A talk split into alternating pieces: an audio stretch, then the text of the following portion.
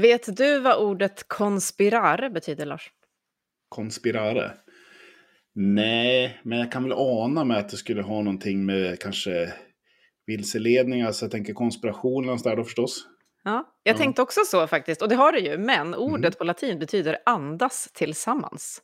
Och det låter ju fint. Någonting som Kia Höök från KTH som var med oss ganska nyligen berättade om att de ju startade något projekt kring. Vad händer om man andas i samma takt med konflikter och sådär. Jaha. Men det här med konspirare och konspiration är väl kanske inte exakt riktigt lika fint, eller vad vi ska säga. Mm. vad, vad kommer du att tänka på Lars, när man säger konspirationsteorier till exempel? Ja, jag tycker att det är eh, faktiskt en av de stora utmaningarna just nu och har varit under en längre tid. Jag tycker att det är, eh, om jag ska vara ärlig så tycker jag att det faktiskt, eh, det, skrämmer mig en del faktiskt. Mm. Eh, det stora genomslaget som det har. Och i kombinationen med framförallt, tänker jag, sociala medier är någonting som jag, jag tycker att det är ja, på många sätt faktiskt, om jag ska vara helt ärlig, en skrämmande utveckling faktiskt. Livslångt. En podd om lärande.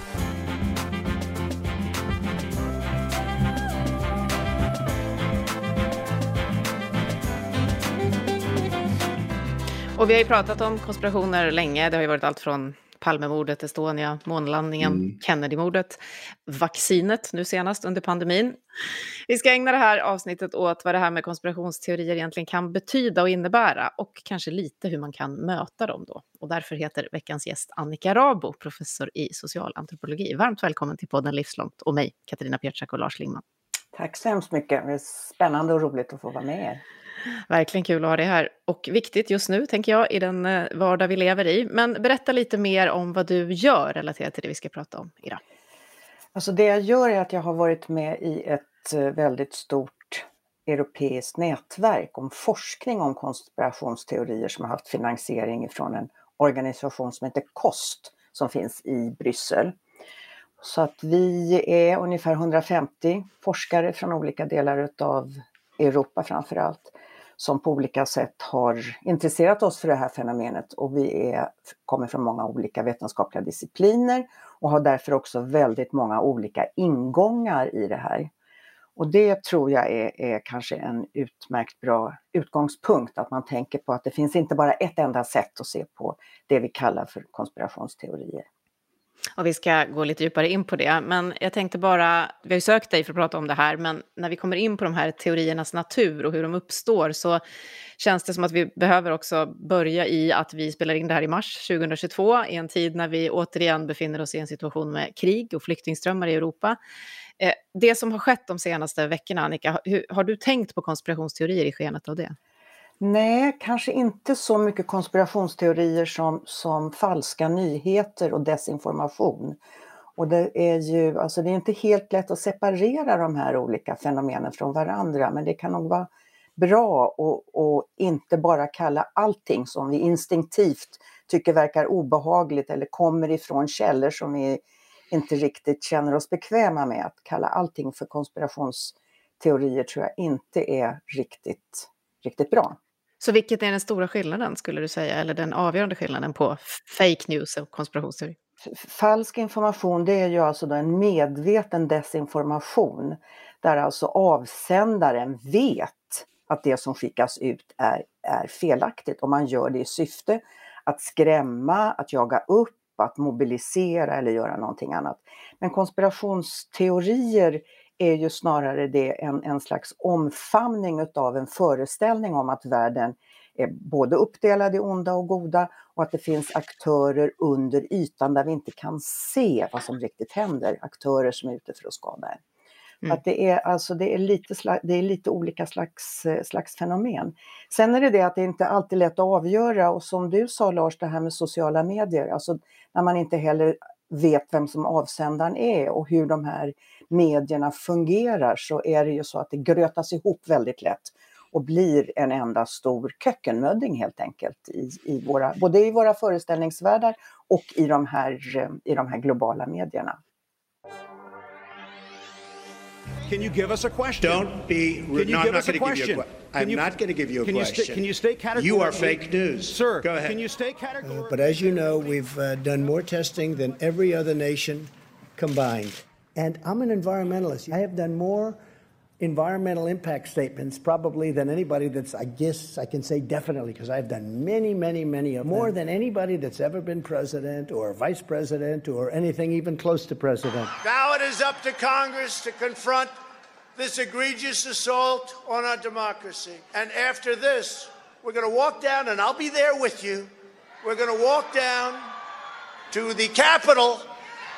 Jag funderar också på vad som händer när en, om en statsmakt sprider medvetet falska nyheter hos folket till exempel. Vad händer då med teorier och, och sådana tankar kopplat till det? Eh, Och det är det ju uppenbart att det är många som gör också. Som, som gör, sprider medvetet falska nyheter eller information. Så är det ju. Det är pro- politisk propaganda och det finns det ju många som har ägnat sig åt att analysera och förstå.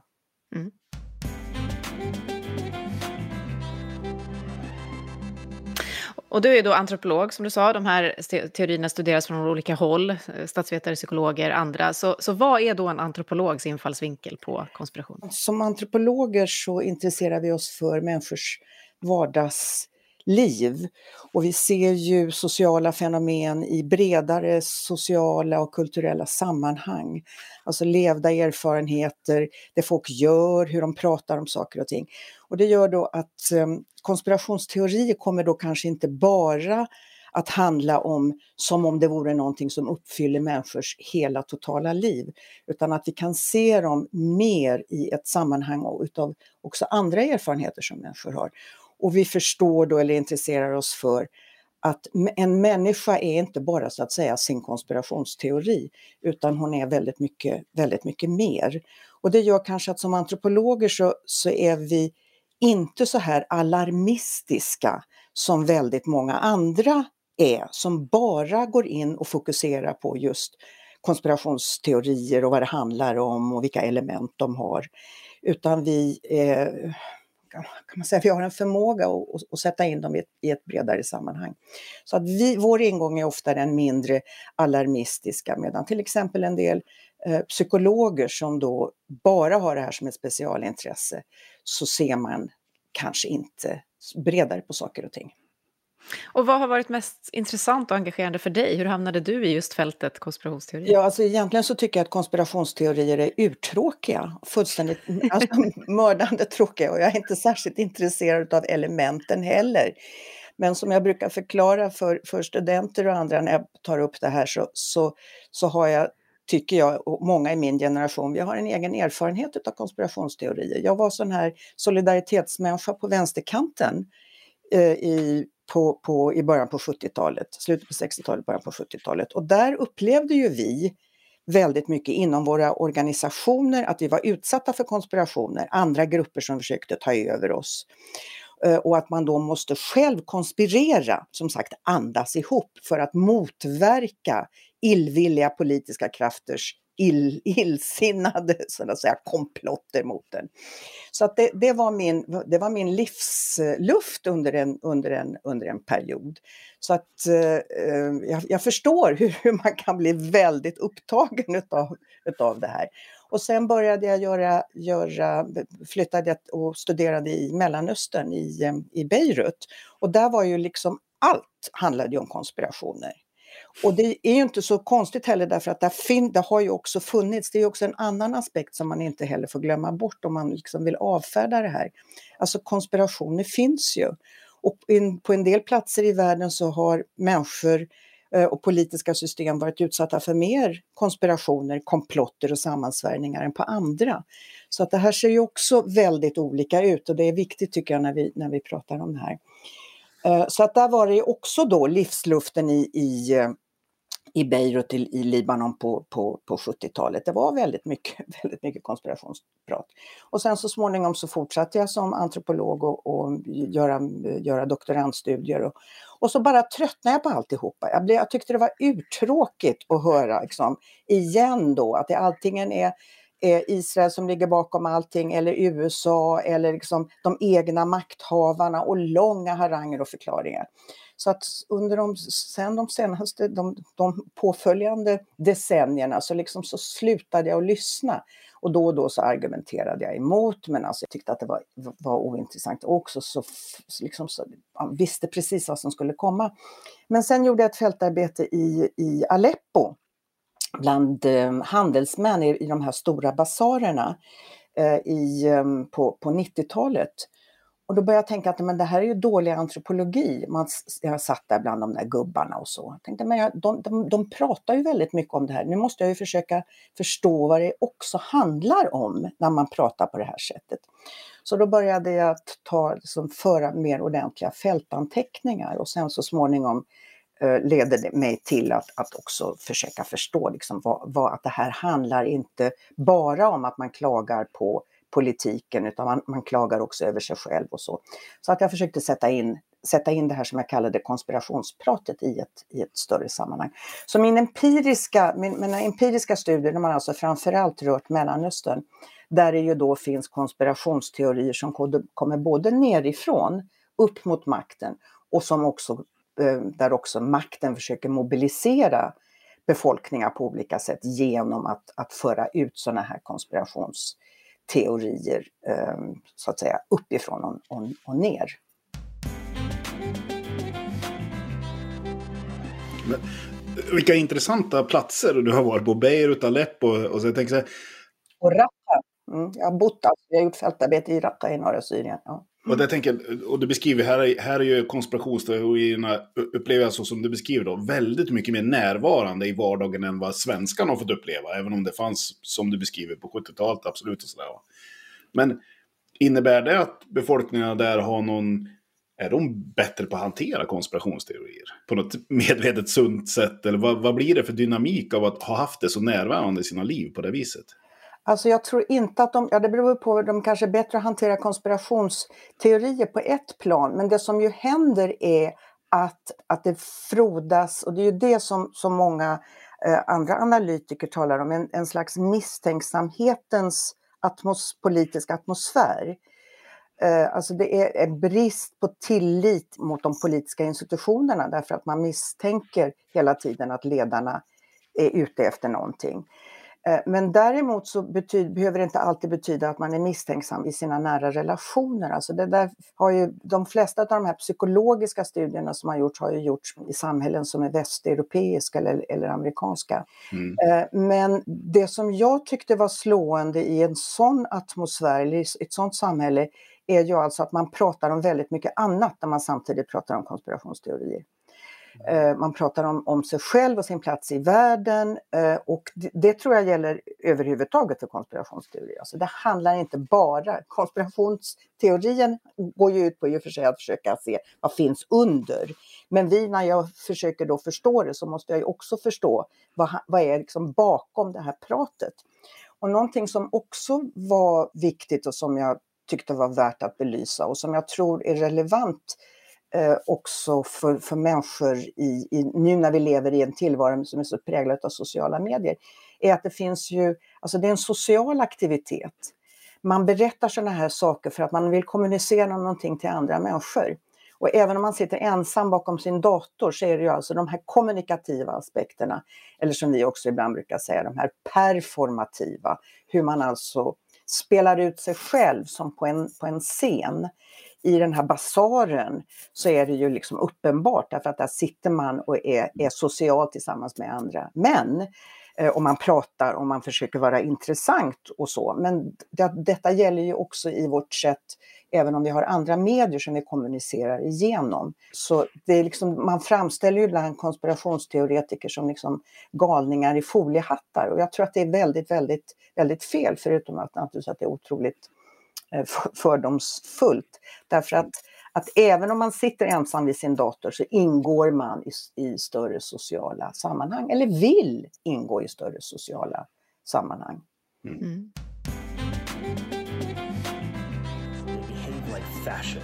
But in Russia, the script is flipped upside down. And for Russian citizens, this means they're seeing a distorted reality of their nation's war. We didn't attack Ukraine. Kopplat till det, även om vi ser att det är mest des- desinformation, att det är liksom för oss väldigt svårt att förstå hur sån information tas emot, till exempel i Ryssland. Då. It was the same one Putin used as a pretense for launching the invasion. We will strive for the demilitarization and denazification Kan man spekulera i någonting i vad som händer med den befolkningen? Jag tänker att det, det heter att det är, hela USA har orsakat konflikten och så. Vad, vad kan det tänkas uppstå för teorier i en sån situation? Alltså det som vi åtminstone vet från forskningen som har tidigare ägnat sig åt att för, förstå hur alltså, receptionsstudier i, i, i samhällen som är väldigt auktoritära eller diktatoriska är ju att, att det inte alls säkert att folk omfamnar utan tvärtom varje meddelande som kommer är man skeptisk till. Men varför folk agerar på olika sätt det är ju, det är ju otroligt svårt att säga. Men det finns ju i, ja, som, som i, i Syrien, att gå emot regimen, det kostar ju på. Eh, på väldigt många olika sätt och så. Så att ibland är det bara bättre att, att, att tiga och stänga, och stänga öronen. Eh, och sen är det ju också så tror jag, om jag nu får komma tillbaka till, till det här, liksom den antropologiska ingången, så har ju vi under de senaste decennierna blivit mindre och mindre intresserade av det här begreppet tro, belief och mer intresserade utav, vad ska man säga, det praktiska görandet och pratandet. Eh, därför att det är, eh, kritiken mot begreppet tro är ju, är, kommer ifrån att, att många menar att det är alltför nära kopplat till en slags protestantisk kristendom. Där eh, alltså, den uttalade trostron tros, tron är, är väldigt viktig. Medan det är ju i många andra religioner, om vi ska kalla det, eller trossystem eller vad vi ska göra, så är det ju praktiken, det man gör, som är det viktiga. Och det är igen då så att det kanske inte spelar så, så stor... Man frågar, tror de verkligen på, på det som de säger? Ja, det kanske inte spelar så stor roll, för det har ju, som många språkfilosofer och andra vet, saker och ting kan ha effekt ändå. Eh, och det är, är, är kanske, vi kan inte riktigt, jag tror inte vi kan liksom krypa in i huvudet på de som, som eh, omfamnar eller uttrycker sånt här. Men alltså att det har effekter i det verkliga livet, det är väl det vi får gå på. Mm. Och det gäller ju också när, det, när, när vi talar om lärande och när vi talar om utbildningssituationer. Jag ska alldeles strax fortsätta på det spåret med lärande, men i en annan podd som jag lyssnade på där du medverkade, en brittisk podd, då nämndes bland annat en känd polsk flygolycka. Ett plan fullt av polska politiker och tjänstemän kraschade och alla ombord dog, inklusive presidenten. Jag hade faktiskt själv en ingift släkting på det planet, så jag har sett den här sortens konspirationsteorier som då föddes på väldigt nära håll och hur de föds av sorg och total frustration gissar jag. Eh, och då fanns det också teorier om att det var Ryssland som skulle ligga bakom. Det avfärdades. Men jag vet att andra då försökte prata förnuftigt och nå fram till de som odlade de här typerna av konspirationsteorier. Och det var helt omöjligt. Hur, hur, och ändå tänker vi alltid att vi ska informera bort det som är falskt, så att säga. Går det? Nej, det är mitt korta svar. Det tror jag inte alls går.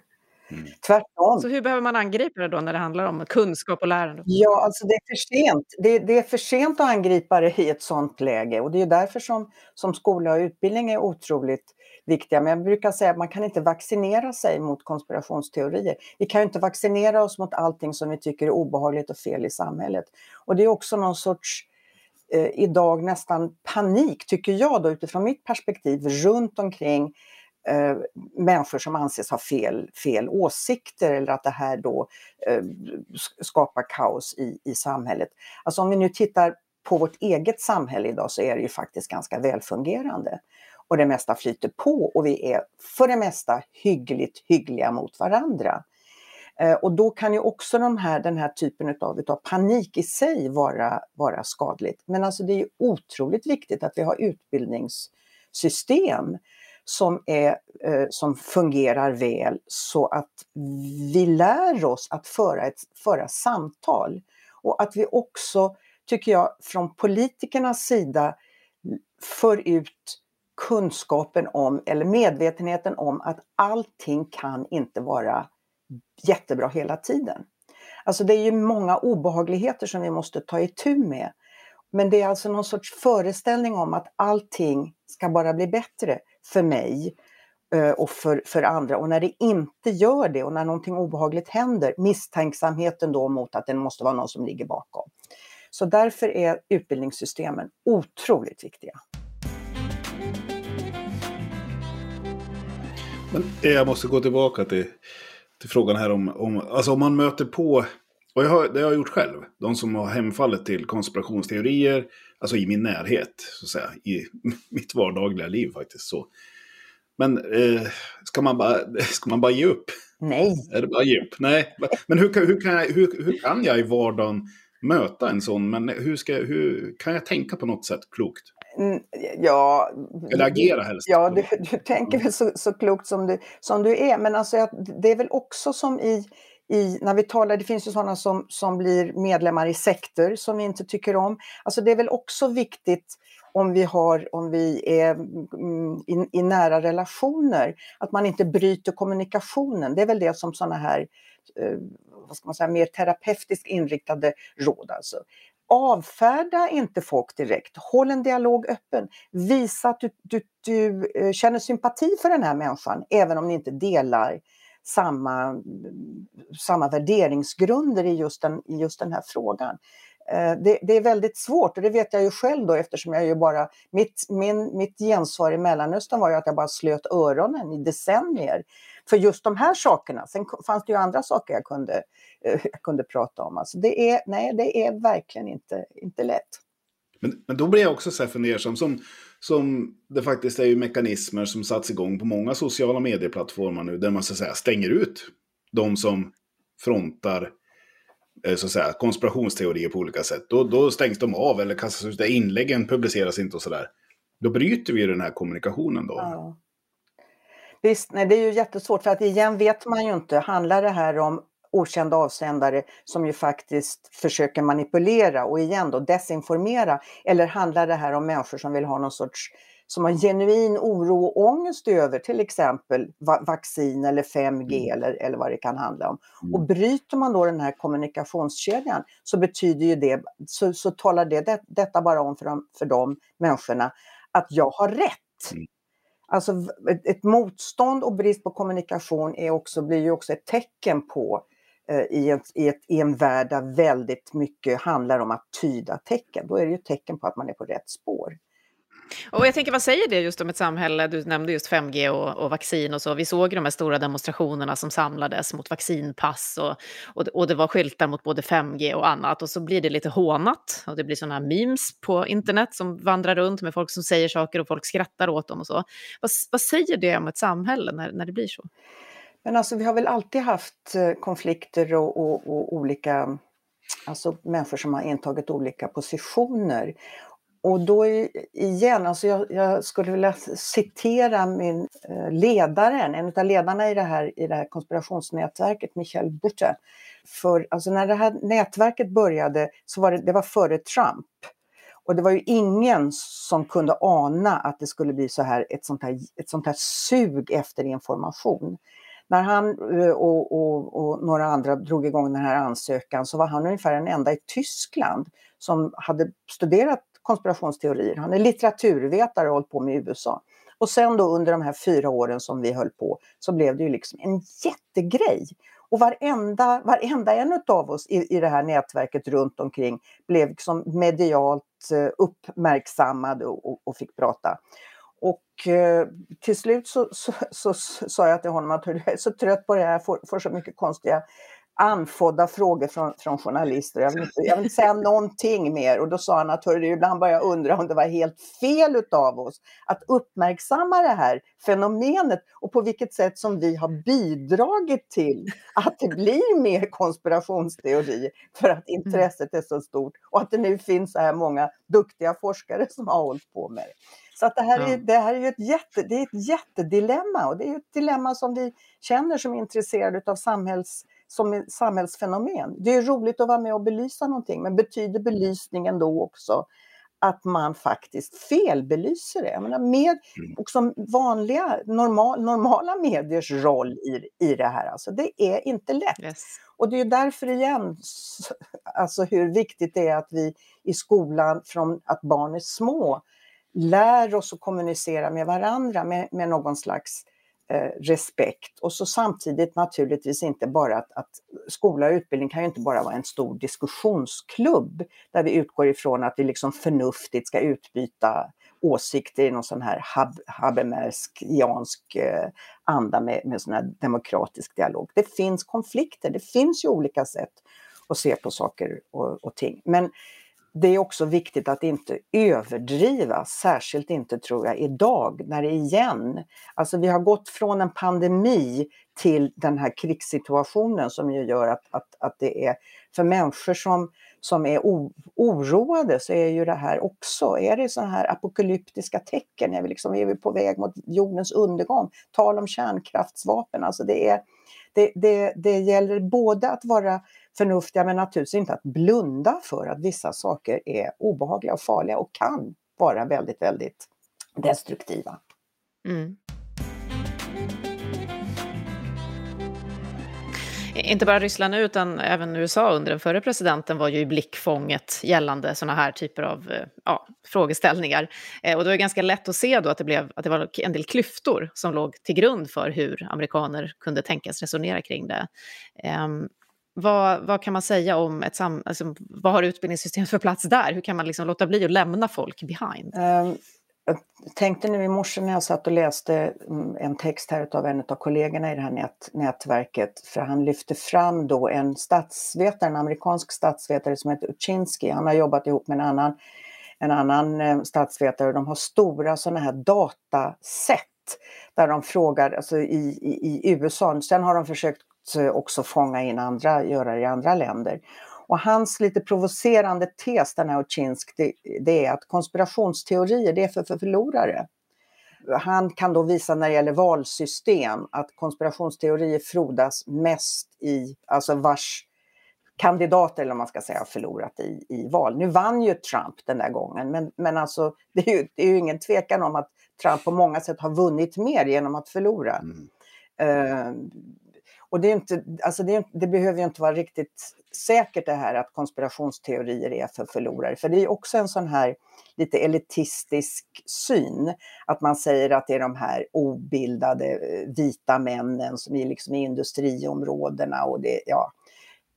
Fast det är ju för sig intressant att det är, verkar vara mer män än kvinnor som omfamnar, eller i alla fall, vad ska man säga, uttrycker konspirationsteorier. Bara det är ju, är ju intressant. Mm. Uh, så att, att, att konspirationsteorier är för losers. Men det, man kan ju naturligtvis säga att det är för människor som också oroar sig för hur världen ser ut och vad vi är på väg.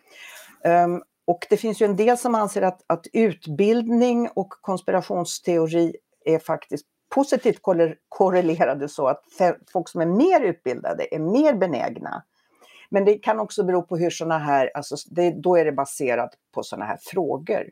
Och då handlar det ju om att man, om man har en vetenskaplig skolning så är man ju också, så är vi ju tränade till att faktiskt ifrågasätta givna sanningar. Ja, hur var det egentligen med, med prinsess Diana och liksom vet vi vad som hände i den där tunneln och så. Det behöver ju inte betyda att vi tror att, att, det, att det var någon konspiration från engelska kungahuset eller så. Men alltså den, den, här, um, den här aspekten att man faktiskt nagelfar argument och tänker, hmm, är det på det här sättet? Mm. Vetenskapliga metodiken liksom blir, driver lite grann. Mm. Absolut, och det är också det som är otroligt, ehm, en otroligt viktig aspekt tycker jag, tycker jag själv i idag är att vi tränar ju våra barn och våra ungdomar på universiteten och så att vara kritiskt tänkande. Men, men om de blir kritiskt tänkande på fel sätt så blir vi också upprörda. Och mycket av konspirationsteorier är ju faktiskt idag väldigt intresserade av vetenskapliga argument och kommer med sina egna vetenskapliga teorier och, och experter och så. Så att det finns också en, en, en väldigt intressant eh, spänning här mellan å ena sidan liksom att, att experterna och vetenskapen ska lösa och tala om och å andra sidan det faktum att mm inte är, liksom, så enkelt är det inte heller. Men jag funderar också så här, är det något sånt här sökande efter liksom spänning och sådär? Jag, jag har läst lite grann så här om att det kan också finnas kanske en, en vissa eh, beroende, att man söker kraftfullare eller mer eh, spänstiga konspirationsteorier när man väl har så att säga, köpt en så vill man ta nästa och den ska gärna vara lite...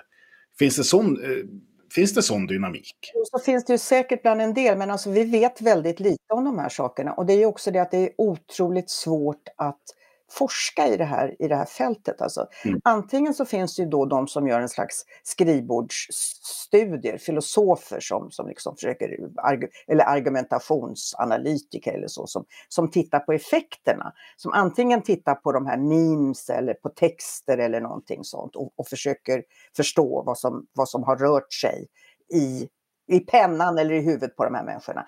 Eller så är det psykologer som gör, gör såna här experimentella studier som ju då inte handlar om levande, levande livet. Eller så är det statsvetare som gör större sådana här enkätstudier. Och det är därför jag tycker att, att det behövs sådana eh, antropologer och kulturvetare som går in i vardagslivet behövs ju, men det är också, eller sådana som, som jobbar mer, eh, mer direkt med, med sociala medier och, och ser hur den användningen är och som också ser hur folk är när de är offline och inte bara, eh, bara online. Så att det är otroligt svårt att, att, att, att veta. Det kan man, en del kan man ju se genom vad ska man säga, biografier över personer som har gått från det ena till det andra till, till mer och mer, eh, alltså att det kan bli beroende eh, framkallande. Men det är också en, en annan aspekt i det här och det är ju många av våra medieforskare som ju också faktiskt har lyft fram i, i vårt nätverk. Det är ju också ganska kul Alltså vad är det som, som gör, alltså för en del då, man inte som jag som bara tycker det här är uttråkigt. Mm, alltså de här, eh, ni vet de här serierna som, som handlar om konspiration, och filmer och liksom hela det där Hollywood och så. Det. det. är ju underhållande. Mm. Och i vilken utsträckning som vi också tycker att det är roligt att bidra till den här underhållningen. Och det, jag menar, det är, man talar ju om den här Qanon också, att det där är ju bara ett, var ju bara ett enda stort skämt som sen även då och togs om, vad ska man säga, upplyftes upp utav, utav andra som liksom blev drev det där då som en, på allvar. Men alltså det är mycket av det här som vi inte vet och det, det är ju också då sånt som människor som ägnar sig åt, åt falsk information och, och politisk propaganda och sånt som är inne i. Men eh, det finns väldigt mycket att göra, men nu säger jag emot mig själv för det kanske är så att vi helt ska sluta ägna oss åt konspirationsteorier och hellre tala om livslångt lärande. Och, ja, och liksom, vi gör det alla andra gånger. vi gör det alla andra gånger.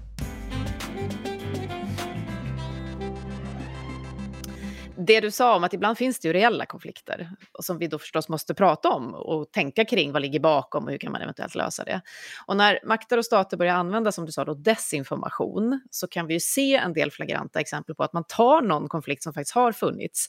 Just i den här krigssituationen så är ju nazismen en sån sak som Ryssland då hänvisar till. Vi ska, vi ska liksom denazifiera Ukraina. Och jag hörde just med skräckblandad fascination, eller vad jag ska kalla det, en intervju på BBC häromveckan med en rysk medlem av duman, en ung kvinna och politiker och makthavare därmed. Vi kan lyssna lite på hur det lät kopplat till just nazismen. You know, I do believe that Nazism is not about just one nation. It's about killing, murdering, torturing any nation based upon their race, their gender, their nationality, their country of origin, and what we see today. So is Vladimir Putin a Nazi because he is currently bombing civilians in cities all over Ukraine? By your definition, is he a Nazi? Russia is not bombing civilians. Russian actually, Russian uh, military troops actually are having humanitarian corridors. Just, just pause, Marie uh, Butina, because people may be a bit surprised. I am watching images have you seen them, I wonder, of Mariupol, a city that has been almost flattened, in which people, young, old, and disabled, are being directly hit by shells fired by the Russian military? Are you seriously claiming that they are not under attack from Russia? You know, I want to seriously see the evidence that these are Russians. Och det här är en av de mest fascinerande intervjuer jag någonsin har hört och jag har hört väldigt många intervjuer i mitt liv och gjort några. Eh, det här med att liksom använda då någonting som folk är rädda för, för det fanns en gång en, en riktig konflikt som var vidrig kring det. Hur, hur blir det när man liksom går in i de här teoriernas värld? Ja, det vet man ju inte. Alltså fastnar eller fastnar det inte. Jag, jag lyssnade också på den här intervjun och det som ju, alltså det som ju som ju märktes det var ju att det där handlade ju inte från, från, från den engelska BBC-reporterns sida så handlade det ju inte om att få till stånd en kommunikation. Utan där handlade det ju också om att han skulle visa att vilken, vilken, hur knasig hon var. Och det är ju att hon omöjligt kan tro på det hon, på det hon, hon säger. Och hennes argument där till slut var ju att, att ryska soldater gör ingenting dåligt för att de är ryska. Det var ju liksom hennes baslinje där. Ehm, så igen, vad handlar det då om när vi försöker eh, antingen övertyga varandra eller spegla oss i andras ehm, argumentation? Alltså ibland går det ju inte att, att, att, att, kommunicera, det är ju också så. Och jag tror ju inte att man kan kommunicera bort eller förstå bort sådana här, såna här djupa konflikter. Men alltså det som är intressant, och det kan vi ju inte heller riktigt veta, är ju i vilka sammanhang som det dyker upp sådana här vad ska man säga, historiska begrepp som plötsligt får en anklang och man undrar vad är det, liksom, var kommer det här ifrån? Och jag slogs av det eh, när, för jag har försökt följa lite grann de här debatterna om de så kallade kidnappade barnen, ni vet, som ju har blivit en jättegrej i arabiska sociala medier och i arabiska mainstream eh, televisionskanaler i, i Mellanöstern och så. Varför nu, tänker jag då naturligtvis eftersom man har hållit på med konspirationsteorier. Varför är det just, men alltså det här är ju inte ett nytt fenomen att vissa, vissa barn är överrepresenterade, eller barn till vissa slags föräldrar är överrepresenterade när det gäller omhändertagande och så. Varför händer det, varför händer det nu? Mm. Uh, och den andra, den andra som idétråden där för mig, det var, men det här är ju precis samma historier som kommer igen i vår historia på ett eller annat sätt. Det här med barn som blir överfallna, som tas. Alltså det, har ju, det fanns ju i England på 80-talet sådana här teorier om eh, barn som blev rituellt mördade. Det var ju liksom en jättegrej i Midlands. I, i, vi har haft det i USA och det, vi har haft det i medeltiden historien om judar som kidnappar och dricker kristna barns blod. Det är, liksom, det är samma tematik. Och en av våra forskare också som, som är i Estland, hon har följt debatter om hur, hur man i eh, Centraleuropa och östra Europa ser på Norden. Alltså vad är det man, hur, vad finns det för konspirationsteorier om Norden? Och där är det det här med barn och barn som blir kidnappade. Ett centralt, alltså ryska barn i Norge som omhändertas och så. Så att det här är ju, vi, vi ser det, detta, denna tematik igen och igen. Och det är ju naturligtvis någonting som, som talar till, till centrala frågor i våra samhällen. Våra barn. Mm. Eh, och vem, vad vi gör med dem och vad andra gör med dem och oron kring, kring, kring detta. Och mycket av vaccinationsmotståndet handlar ju också om det, alltså oron för, för våra barn. Så att det är, är, är ett ett, ett återkommande tema i, i konspirationsteorier. Och då är det ju också naturligtvis så att vi kan tänka oss att den här idén om nazismen, den står ju för så hemskt mycket annat. Den står mm. ju, det är ju liksom ett, en, en rubrik för allt vad vi hatar, allt som är farligt, allt som är otäckt, allt som utrotar oss som folk. Mm. Så, så, smart då inom bemärkelse att använda just det. Jag tänker den här eh, intervjun med den här eh, ryska politikern. När, när du lyssnar på den här och du lyssnar på hur reporten försöker göra poäng av saker och ting och så vidare.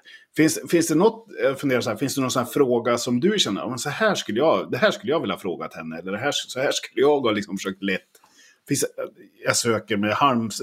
Jag greppar efter halmstrån här för att få hjälp själv att hantera dem som dyker upp med konspirationsteorier. Ja, du vet, jag är antropolog, jag är ingen, ingen, mm. ingen bra journalist. Men möjligtvis så skulle jag varit intresserad av att veta vem hon var och hur hon kom in i mm. politiken. Och va, så, försökt få en, få en personlig kontakt med henne, för hon mm. lät ju som en robot ungefär, som, som, inte, som inte hade förmåga att, att komma någonstans. Men det är klart att en sån, det, det, är, ju, det är ju mer då, ska man säga, ett, ett, ett, ett kaffebordssamtal eller som, som en forskare, vi som är, som är antropologer, vi ska ju inte, vi anklagas ju ofta för att vara för kulturrelativistiska, att vårt, vårt eh, uppdrag är ju inte att fördöma utan att försöka förstå och tolka människors eh, livsvärldar och, och, och, och så. Ehm, så att därför så, så, nej, tyvärr så har jag ingenting annat än att, än att försöka kanske få en, en långsiktig re, relation. Men som sagt, jag har ju inte haft någon som helst framgång där med några av mina, mina eh, vänner och bekanta i Mellanöstern som, som omfamnar eh, konspirationsteorier, mm. även om vi drack väldigt mycket kaffe ihop och, och så. Det, det, det är, men men alltså man kan ju då kanske, hon är ju en makthavare och därför är hon ju naturligtvis, eh, är hon ju naturligtvis farlig på det sättet. Mm. Mm. Medan det är en väldig skillnad med, med människor som, som, som, som har också andra ärenden i livet än att bara föra ut eh, hatiska budskap. Men det, du har rätt i det, jag har tänkt mycket kring det eftersom jag själv har mediebakgrund med vad är det publicistiska DNA, vad är det man vill ha ut av en intervju mm. och eh, ofta är det ju inte att försöka förstå just där och då mm. utan ställa till svars mm. eller så. Men till sist då när du sa att det är nästan då för sent och du säger själv att du har inte haft någon stor framgång när du har pratat med dina vänner där i Mellanöstern. Om vi då eh, tills avslutar med någon form av hoppfullt, vad skulle vi då vilja säga i skolan? Du sa dialoger och diskussioner. Behöver vi ett helt nytt ämne eller behöver det här finnas med i alla ämnen? Behöver vi prioritera det här lite mer liksom, och inte bara expertisen i sakämnen och så. Hur skulle du vilja att det blev?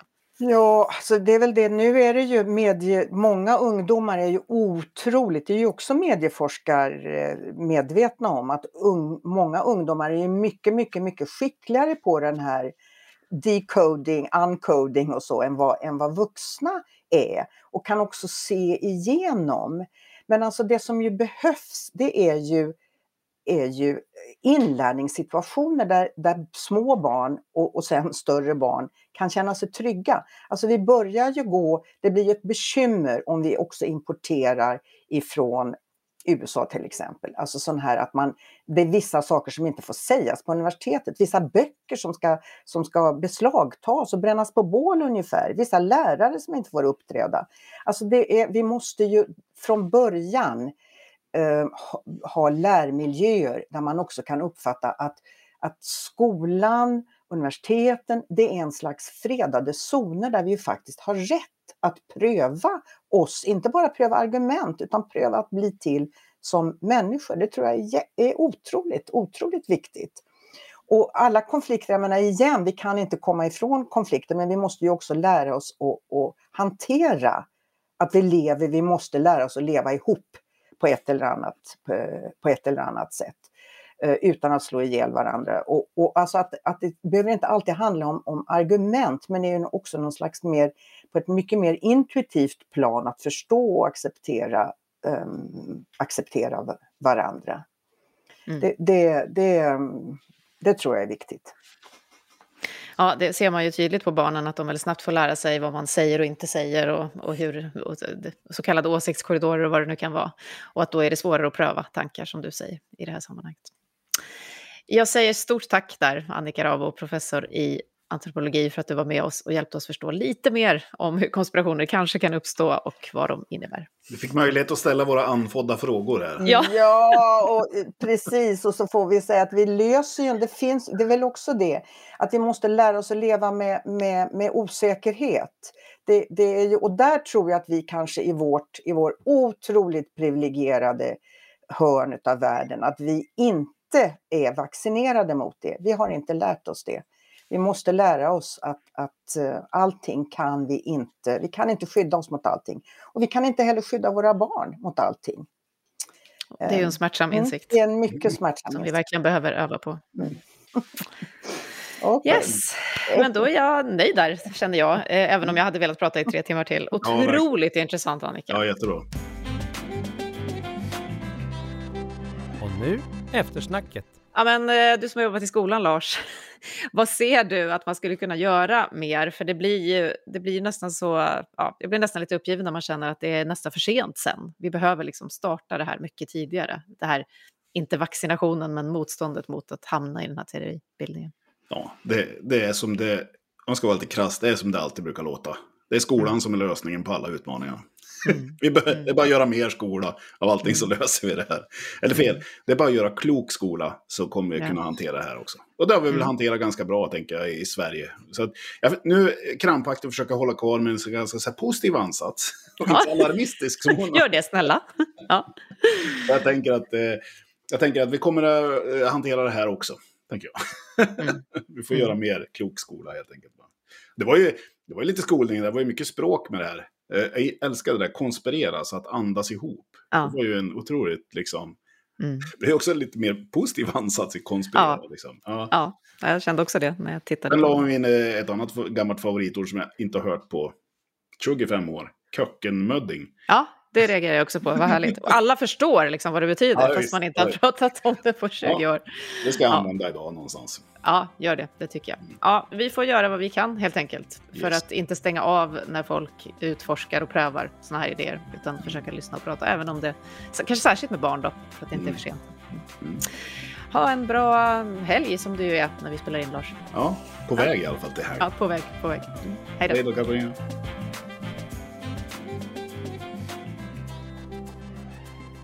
Du har just hört Livslångt, en podd från RISE om allt det där man lär sig i livet. Vi hörs om en vecka igen.